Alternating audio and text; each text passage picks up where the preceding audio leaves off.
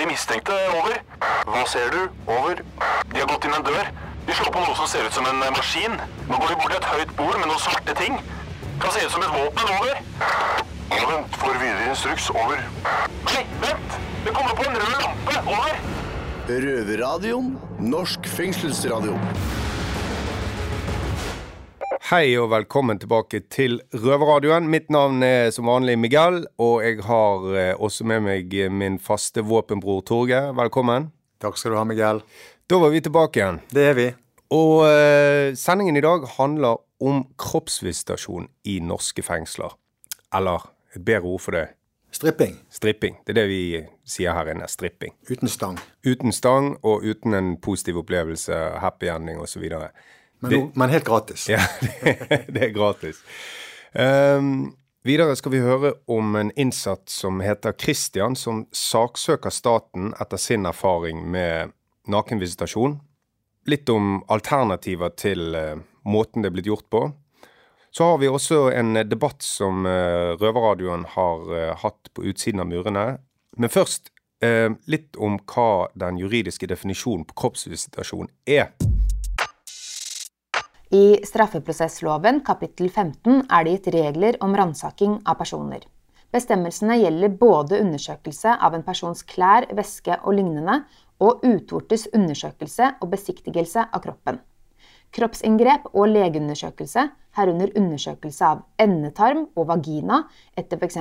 narkotika, kan derimot bare skje når vilkårene for kroppsundersøkelse er oppfylt. Ransaking skal foretas så skånsomt som forholdene tillater, og helst i nærvær av et vitne.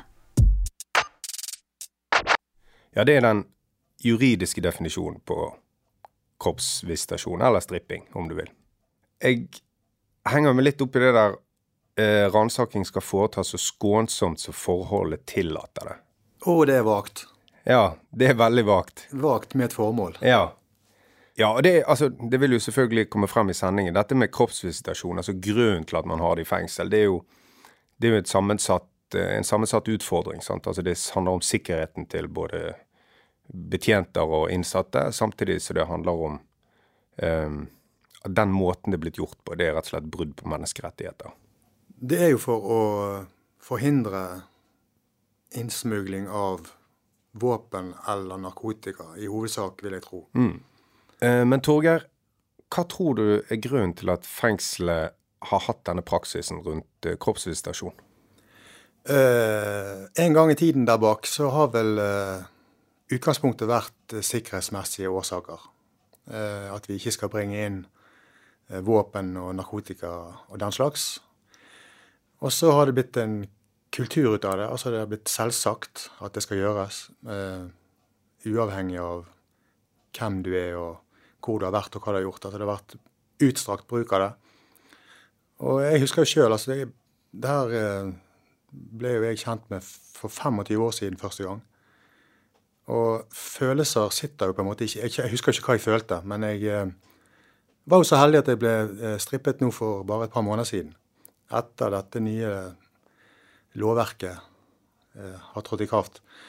Og da kjente jeg på et jævlig ubehag.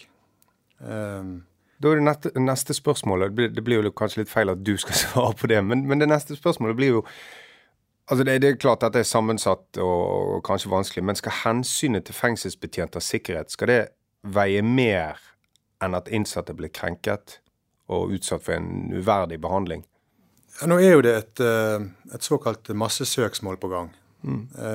Der nærmere 100 personer eh, går til sak mot eh, staten. Og eh, blant de 100 menneskene så sitter det flere tusen eh, utelukkende negative følelser, vil jeg tro. Jeg har mine, og du har dine. Og alle har sin eh, negative tanke rundt det som skjer.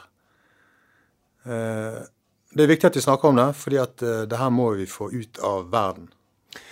Ja, det, altså det er viktig, og jeg tenker det handler også mer om bare sikkerhet og krenkelse.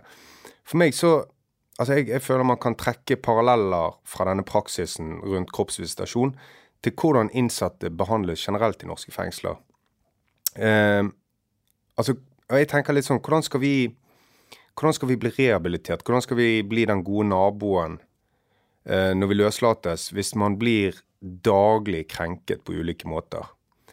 Um, det er ikke sikkert vi får svar på, på alle disse spørsmålene her nå. Altså, Den gode naboen kan du bare drite i. ja. Eh, så det blir ikke noe godt naboskap, kan jeg love deg. Nei. Og, um, men det er likevel, eh, som du sier òg, det, dette er viktige spørsmål. Og, um, og, jeg, og jeg tenker òg at det er viktig at lytterne der ute får litt innsyn i hva som skjer her inne. Vi skal, uh, vi skal høre mye mer om dette her. Um, men først skal vi høre Christian sine erfaringer og um, hvordan han er en av de hundre da, som har valgt å gå kjøre sak mot staten.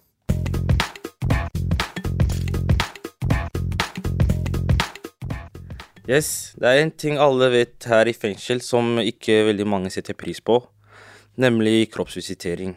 Hei, jeg heter Mali, jeg er her med Christian og Dennis. Hallo. Hello. Ja, gutta, i dag skal vi prate om kroppsvisitering her i fengselet. Herlig. Herlig. Og du Christian, du meldte deg nylig på et uh, søksmål Stemmer. mot uh, det var Justisdepartementet, var det det? Ja, uh, mot, Mot staten. staten. Ja. Riktig. Kan du fortelle litt om det? Uh, det kan jeg. Um, jeg fikk vite at en sak har vært i Høyesterett, og det var da konkludert med at rutinemessig visitering, som f.eks. vi har etter hvert besøk og sånne ting, eh, ikke er lov. Um, og jeg så eksempelet som var brukt der, så var det 200 ganger på ett og et halvt år. Um, og så tenkte jeg eh, Mitt første år på, på Eidsberg, så var jeg oppe i 300 på et år. 300 visiteringer. Ja. Såpass, ja. Um, for der kan du ha besøk eh, så å si hver dag hvis du vil. Ehm, sånn at du kan Eller etter hvert besøk da, så er det liksom naturlig at du må kle av deg. Så i bunn og grunn, da, har eh, fengselet drevet med ulovlig visitering, da. Mm. Ja, de har jo det. Og da tenker jeg det er også desto viktigere at man henger seg på og, og viser at det, det er ikke greit, da. Mm. Eh, fordi vi sitter i et fengsel eh, som bør være gode forbilder eh, for oss som skal ut som bedre mennesker. At eh, de må jo holde seg til loven sånn som eh, alle andre må gjøre. Ganske enkelt. Og så har jeg et til spørsmål til deg. Mm. Hva går egentlig søksmålet ut på? Det går ut på at uh, kriminalomsorgen ikke har lov til å nakenvisitere deg etter uh, Eller som rutine. Og med rutine vil si at uh, det som har vært vanlig til nå, at hver gang du har besøk, så må du kle av deg du naken. Ja. Du må ned på huk, ikke sant, og nesten slippe en promp og sånn før du kommer inn. Ja. uh, ganske sånn ubehagelig situasjon å, å være i, da. Ja, det er veldig nedverdigende. Det er det. Blir Bli ransaka hele tiden. Og. Ja. Mm. Så jeg tenker at eh, hvis det bryter mot norsk lov og menneskerettigheter og sånne ting, så tenker jeg da, da er det på tide å få stoppa det, rett og slett. Ja, jeg er faktisk veldig enig, ass. Det her er eh, Det er ikke mange som eh, visste om det før nå nylig. Nei. Jeg hadde jo ingen anelse. Jeg bare fulgte regler. Det samme gjelder politiet, tror jeg. Mm. Når, hvordan de opererer der ute med ransakinger og noe de egentlig ikke har lov til, da. Mm. Det har jo kommet fram nå siste tida med Riksadvokaten og sånne ting. Og Mm. det er litt rart egentlig at det ikke har kommet opp før, tenker jeg. Ja. enig. Men bedre sent enn aldri, da. Ja, det er sant. Og Men hva kan du gjøre nå? Nå skriver du en klage. Eh, Det som skjer, er at du må ringe advokaten eh, som står oppført eh, fra Elden-kontoret. Eller din egen advokat, for så vidt. Og så må du si at du har lyst til å være med på søksmål. Og så sender de deg en, en faks hvor du må signere at du gir fullmakt til at de får innsyn i kompis. Altså kompis. journal, så du kan prøve din eh, visitasjon. Ja, så det, alt som er i kriminalomsorgen blir ført inn i noe som heter Kompis, og det er et datasystem som forteller alt om alle personer her inne, da. På godt og vondt. hva vil du oppnå med dette søksmålet? Jeg vil oppnå at uh, det ikke er rutine å bli ransaka under hvert besøk, fordi jeg mener at så lenge man har godkjent besøk i fengselet, så vil det si at det er folk som ikke er kriminelle, Streit, streite folk. streite folk. Mm. Um, og da skal det ikke være noen grunn til å mistenke alle hver gang de har besøk. Eh, men at de heller tar rutinene, at eh, de plukker ut uh, sånn som de skal gjøre, egentlig. da. Ja, tillit er veldig viktig mellom innsatte og betjenter her. Og når vi blir rutinesjekka hele tiden med visiteringer og bla, bla, bla, så mister vi tillit til dem, da. Og de er liksom Man føler ikke noe tillit Ja, fra de heller. Det Liksom. er, det er sant. Og det er veldig viktig mens du soner. Å liksom ha bra kontakt med de folka som jobber med deg og skal hjelpe deg og rehabilitere deg og komme deg ut til samfunnet. Så det er liksom Det blir litt sånn dobbeltmoralsk og at de skal drive og visitere deg hele tiden, og så etterpå så skal du gå og spise middag med dem som om alt er eh, normalt. Ta bare enkeltsjekker eh, ved mistanke, og så tenker jeg, har du Si du har sittet i fengsel noen år, da, eh, og du ikke har vært mistenkt for noe rus eller blitt tatt med noe eller gjort noe, fått rapporter eller noe sånt, så burde du få eh, egentlig litt tillit. Altså det mener jeg. Da behøver de ikke å sjekke rumpa di hver gang du Ja. er på besøk. Det er jeg helt enig i. Men det rare kanskje eh, oppi alt sammen, sånn for folk på utsida, liksom dette med visitering og ikke sant, du kler deg naken og må skvatte og Mm, nesten slippe en promp og sånn, så de skjønner at du ikke har noe oppi der. Ehm, så er liksom det, det som jeg føler mest på, egentlig, da, hvor bisarr det egentlig høres ut, da. Det er den køen du må stå i for at du skal gjøre det. At det, det står gjerne fire-fem foran deg i køen som skal visiteres. altså bruker du kanskje et kvarter, 20 minutter før du kommer deg opp på avdelingen. da. Ja, det er spesielt. Det, Det, det er det. Okay. Så Jeg ønsker ikke noen ute det der, altså, Nei. for å være helt ærlig. Så, men eh, det har vært morsomt å, å fått med noen eh, på utsida og, og prøvd det vi gjennomgår så å si daglig, da. Bare én gang. Ja, det Jeg tror ikke de aner egentlig, fordi liksom Det er jo alltid i hvert fall to betjenter når du skal visiteres. Og så står de der rett foran deg, du må kle deg naken i ett og ett plagg. Og så skal du liksom gå ned på huk, og så ser de fortsatt på deg det du kler på deg. Det er veldig sånn nedverdigende. Men uh, hva tenker du uh, Tror dere det har mer narkotika i fengselet om, hvis man ikke visiterer? Eh, ja og nei, men eh, egentlig mest nei. Fordi det er liksom Alt har ikke vært i rumpa som du får av narkotika i fengsel. Um, eh, det er så mange andre måter å gjøre det på, liksom, at jeg tror de fleste foretrekker andre veier inn, egentlig. Framfor å risikere besøk og sånn. Ja, jeg, er Jeg tror egentlig det både og. Jeg tror ikke det blir noen stor forskjell, egentlig. Da håper jeg søksmålet går igjennom, da. Det håper jeg òg. Og at uh, visiteringgreiene At det blir mye mindre av det, da. Jeg håper vi får slutt på den jævla rutine... Ja, men uh, det, vi blir jo ikke kvitt det der. Vi er jo tross alt i et fengsel, og ting skjer. Folk blir mistenkt, men uh, vi får håpe det søksmålet her hjelper oss eh, videre med akkurat det, da. Sett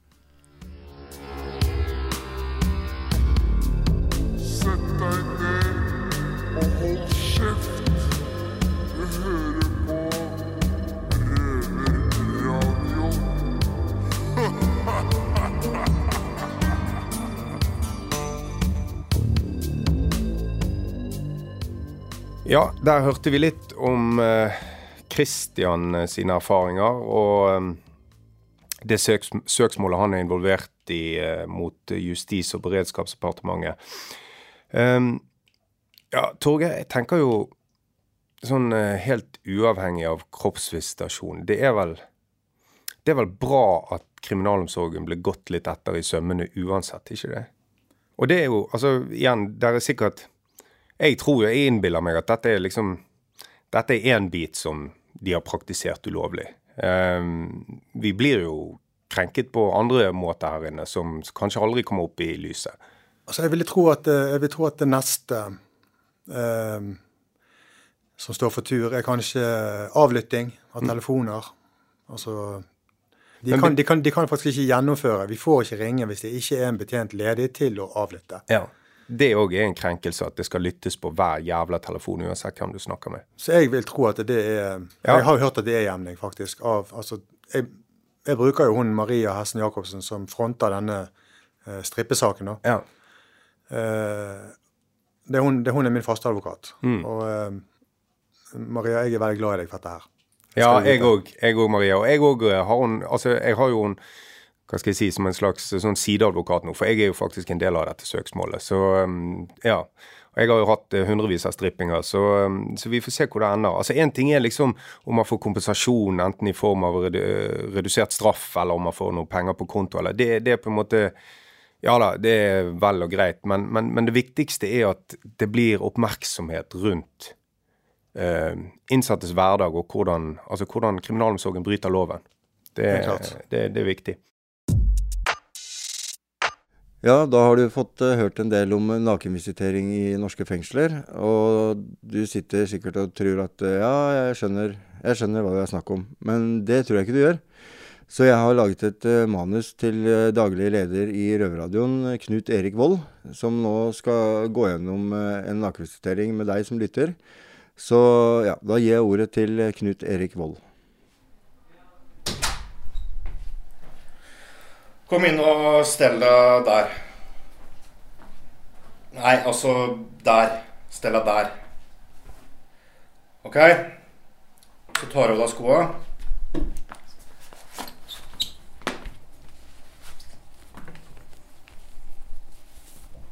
Og så tar du av deg resten av klærne.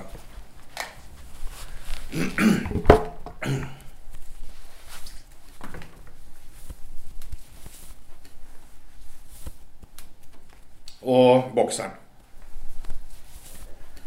Så skal du ned på huk. Stell deg i hockey. Og så hoster du ordentlig. Ta ordentlig to hostedrag. Ja, flott. Da kan du ta på deg klærne igjen, og så kan du gå på avdelinga. Ja, der hørte vi akkurat en kroppsvisitasjon, eh, riktignok gjennom lyd. Kun på røverradioen. Ja, neste vi skal eh, høre nå, det er denne her eh, debatten som eh, Røverradioen arrangerte utenfor murene med Marie Hessen Jacobsen. Og hun er jo også den advokaten som står i bresjen for dette store søksmålet mot staten. Vi digger deg, Marie. Maria. Maria. Jeg heter Simen og satt i Oslo fengsel i 2015 og 2016. Stemmen du hører, tilhører den utslipte røveren Simen Iskarot Larsen. Simen er Røverradioens debattansvarlig på utsiden, og har kalt inn til en strømmet debatt på utsiden av fengselsmurene. I oktober i fjor ble praksisen i fengslene endret, og man gikk bort fra rutinemessig stripping, da til protester fra de ansatte i fengslene. Temaet denne gangen er kriminalomsorgens bruk av nakenvisitering i norske fengsler. Hvordan har det gått siden ny praksis ble innført? Er det problematisk om det er litt dop i omløp?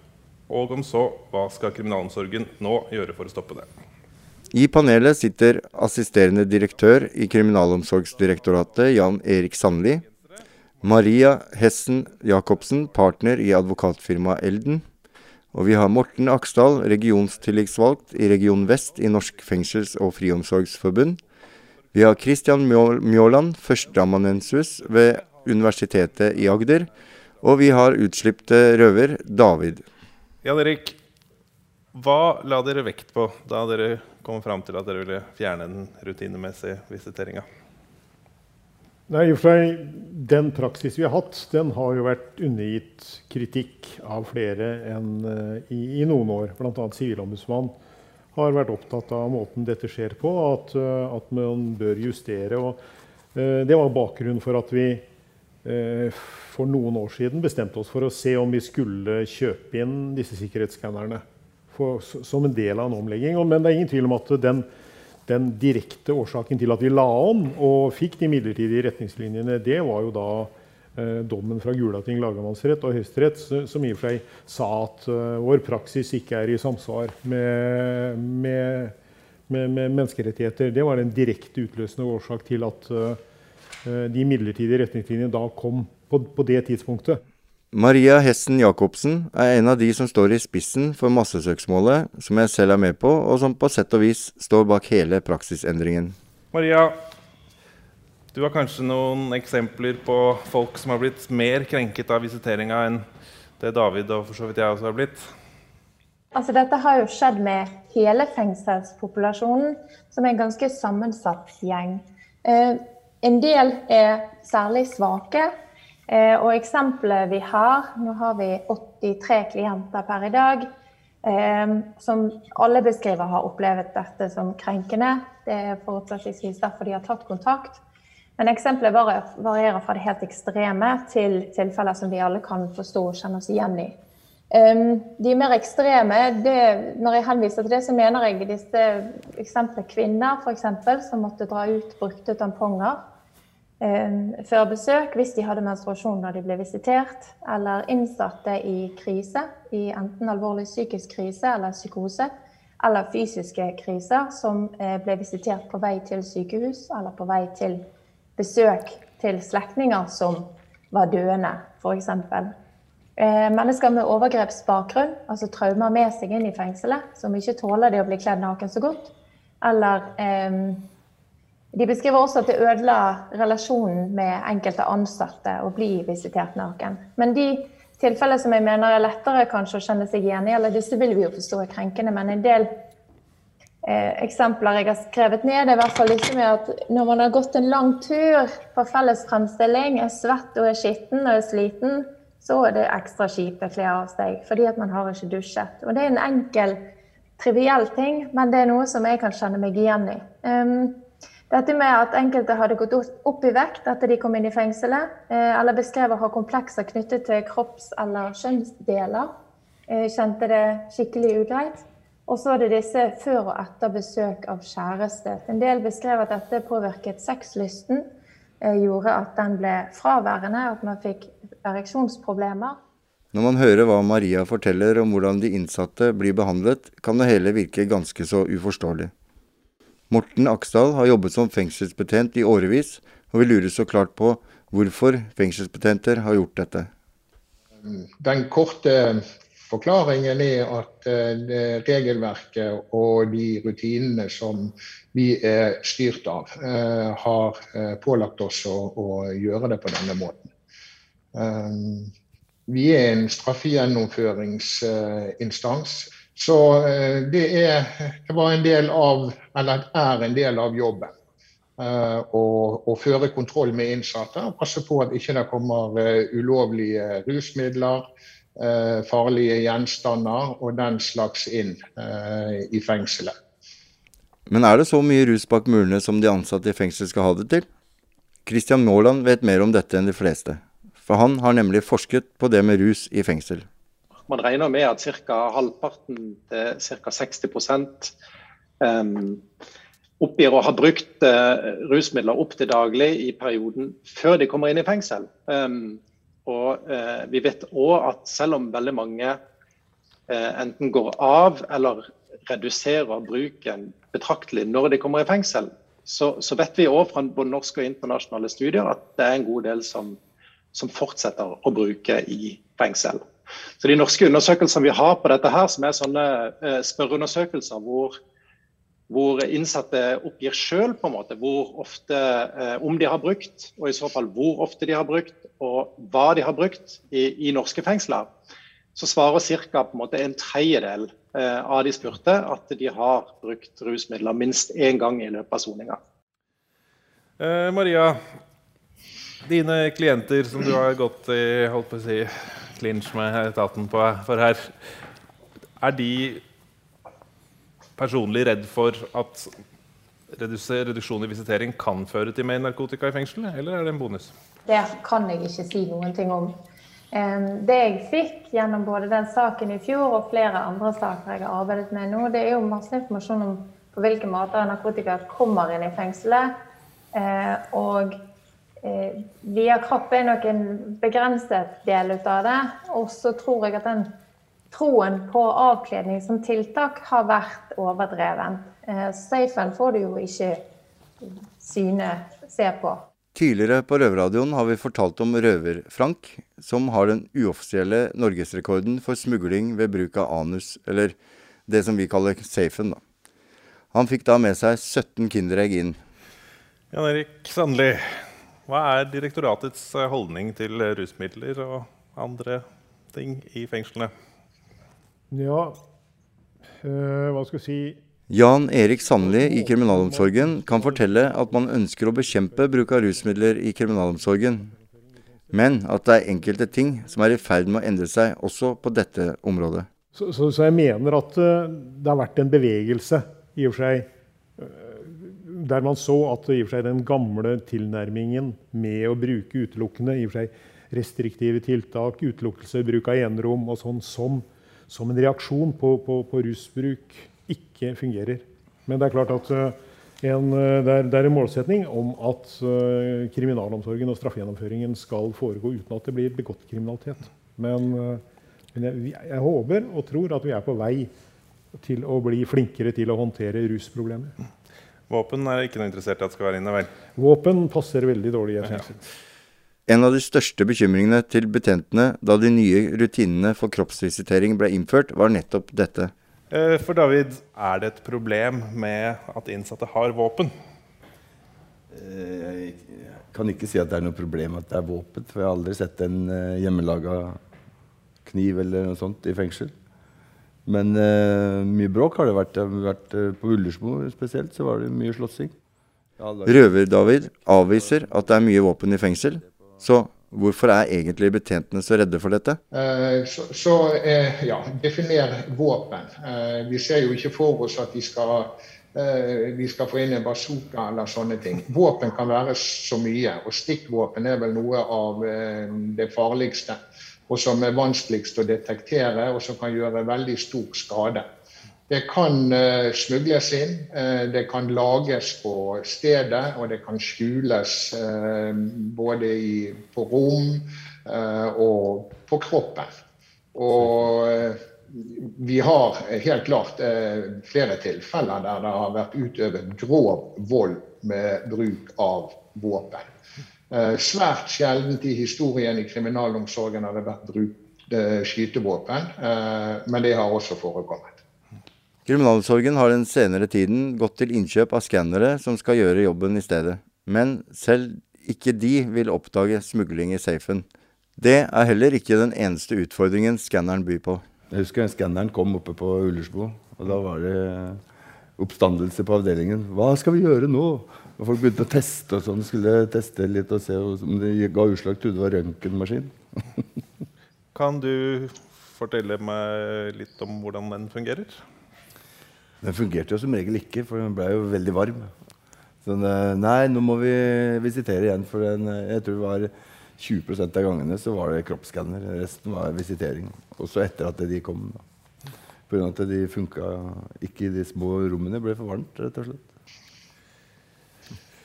De funker ikke til å finne ting inni safen, Jan Erik. Burde dere ikke kjøpt røntgenmaskiner isteden? Nei, jeg tror, jeg tror det, det, har aldri vært noen reell diskusjon om at vi skal kjøpe, kjøpe røntgenmaskiner. Uh, jeg tror at Der er den ordningen. Vi har jo muligheten til å bruke det, men, men da må vi jo, som, som, Morten sa, da må vi jo bruke helsepersonell og sånt til å foreta undersøkelser. Så, så jeg tror det, det, vi skal ikke, vi, det har aldri vært noen reell diskusjon at vi skal begynne med det. Men en sånn uh, skanner, hva koster noe sånt? Skanner koster uh, vel en rundt 1,8 millioner, men så er det noen tilleggskostnader, som, som du sier. ikke sant? Det, uh, det ble nok uh, i og for seg både i og for seg størrelsen på rommet og også kjøling i rommet. Uh, koster jo også. Som du sier, den, Ullersmo var den første. og det ble nok veldig mye mer varme. Men jeg har lyst til å si at jeg tror at regelendringen At vi måtte endre fra rutinemessig kontroll av alle med nakenvisitering til i og for seg nakenvisitering med mistanke. Den regelendringen den hadde kommet uavhengig av skanner eller ikke.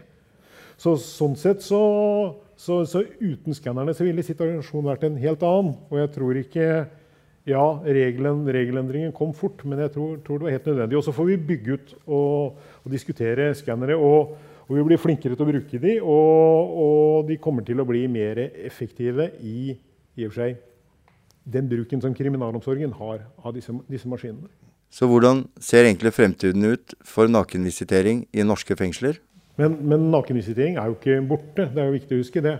Forskjellen er jo at nå må du, ha, du må begrunne hvorfor du gjør det. Eh, og ikke rutinemessig alle. Og det, det er forskjellen. Og så har vi også da lagt om måten den gjennomføres på. At den skal skje ikke som full avkledning, men med delvis avkledning. Så du går ja, litt skrittvis fram. Men det mange forteller om, det er den endringen som skjedde fra før og etter disse retningslinjene ble endret. Og det er som dag og natt. Eh, Og mange beskriver at de har fått gjenopprettet verdigheten sin, eller en mye bedre relasjon med kontaktbetjent eller med de andre betjentene. eh, Som er veldig fint å høre. Eh, Og som jeg tror kanskje kan styrke sikkerhet på sikt vel så mye. Eh, Men også oppdager de en sånn De forteller at de har, opplever en sorg over å oppdage at dette var ikke i orden. Noe som de har tenkt ikke er i orden, men følt seg utsatt for, og så oppdager de det var ikke i orden. Og så har de et behov for å få det stadfestet. Det er mye som er usikkert i denne debatten, og noen fasit får vi kanskje aldri. Men én ting som er helt sikkert. Stoff vil alltid komme inn i norske fengsler.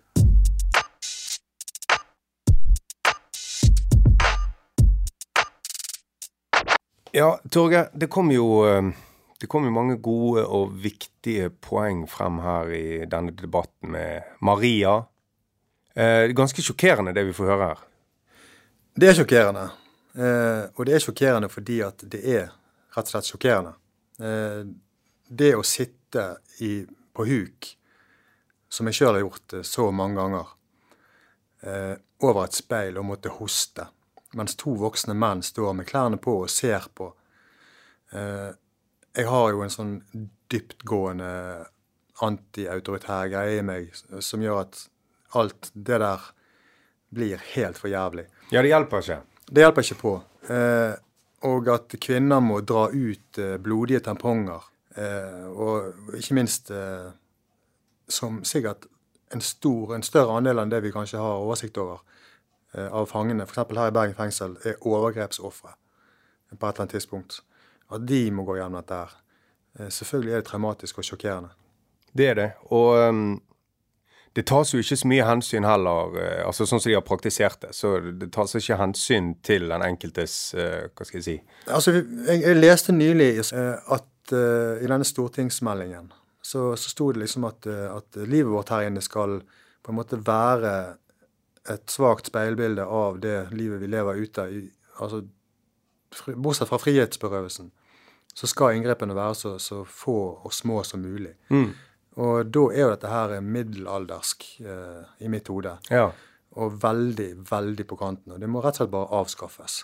Ja da, og um, det, er jo, det er jo også litt sånn fascinerende og litt merkelig at altså, man har teknologi i dag som gjør at man Altså, man hadde egentlig sluppet oss å gå gjennom disse tingene med manuelt ta av seg klærne. Man har sånne kroppsskannere i dag, og vi har jo hatt en sånn stående her i fengselet ganske lenge.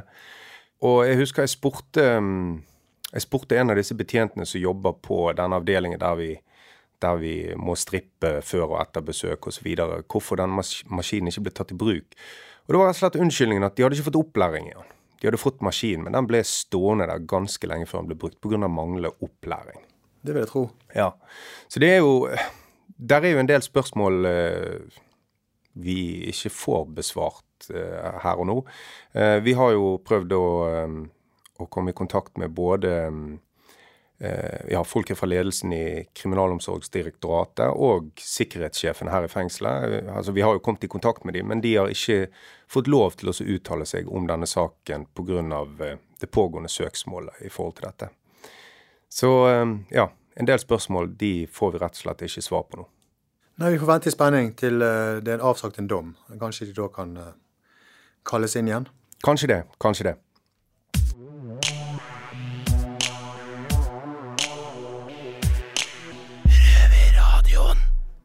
Har det blitt bedre det med kroppsvisitasjon her i, i Bergen fengsel f.eks.? Altså, med denne dommen eh, så har det jo selvfølgelig blitt bedre. Fordi at vi, vi strippes jo ikke lenger konsekvent og rutinemessig eh, etter eh, hvert besøk eller permisjoner eller eh, fremstillinger. Altså eh, Og det gjorde det jo desto jævligere for meg, for jeg trodde at det var avskaffet, jeg. Eh, og når, det, når jeg da plutselig står på et rom der, og, og de beordrer meg til å av meg, eh, så føltes det jo desto eh, verre. Eh, og med tanke på at eh, begrunnelsen for kroppsvisiteringen av meg var at jeg har narkodom, og at den besøkende var ny for fengselet, så har de jo i praksis ikke avskaffet det. Jeg, jeg sendte jo straks eh, en klage til fengselet. Ja, det husker jeg. Jeg ringte eh, sporenstreks eh, min advokat Maria Jacobsen. Og jeg sendte også saken inn til, nei, til eh, tilsynsrådet. Eh, fengselet svarte meg da etter nesten åtte uker, fem uker over fristen, at eh, dette sto de helt inne for. Eh, Så i praksis så, og i mine ører så er ikke det en avskaffelse av eh, systemet.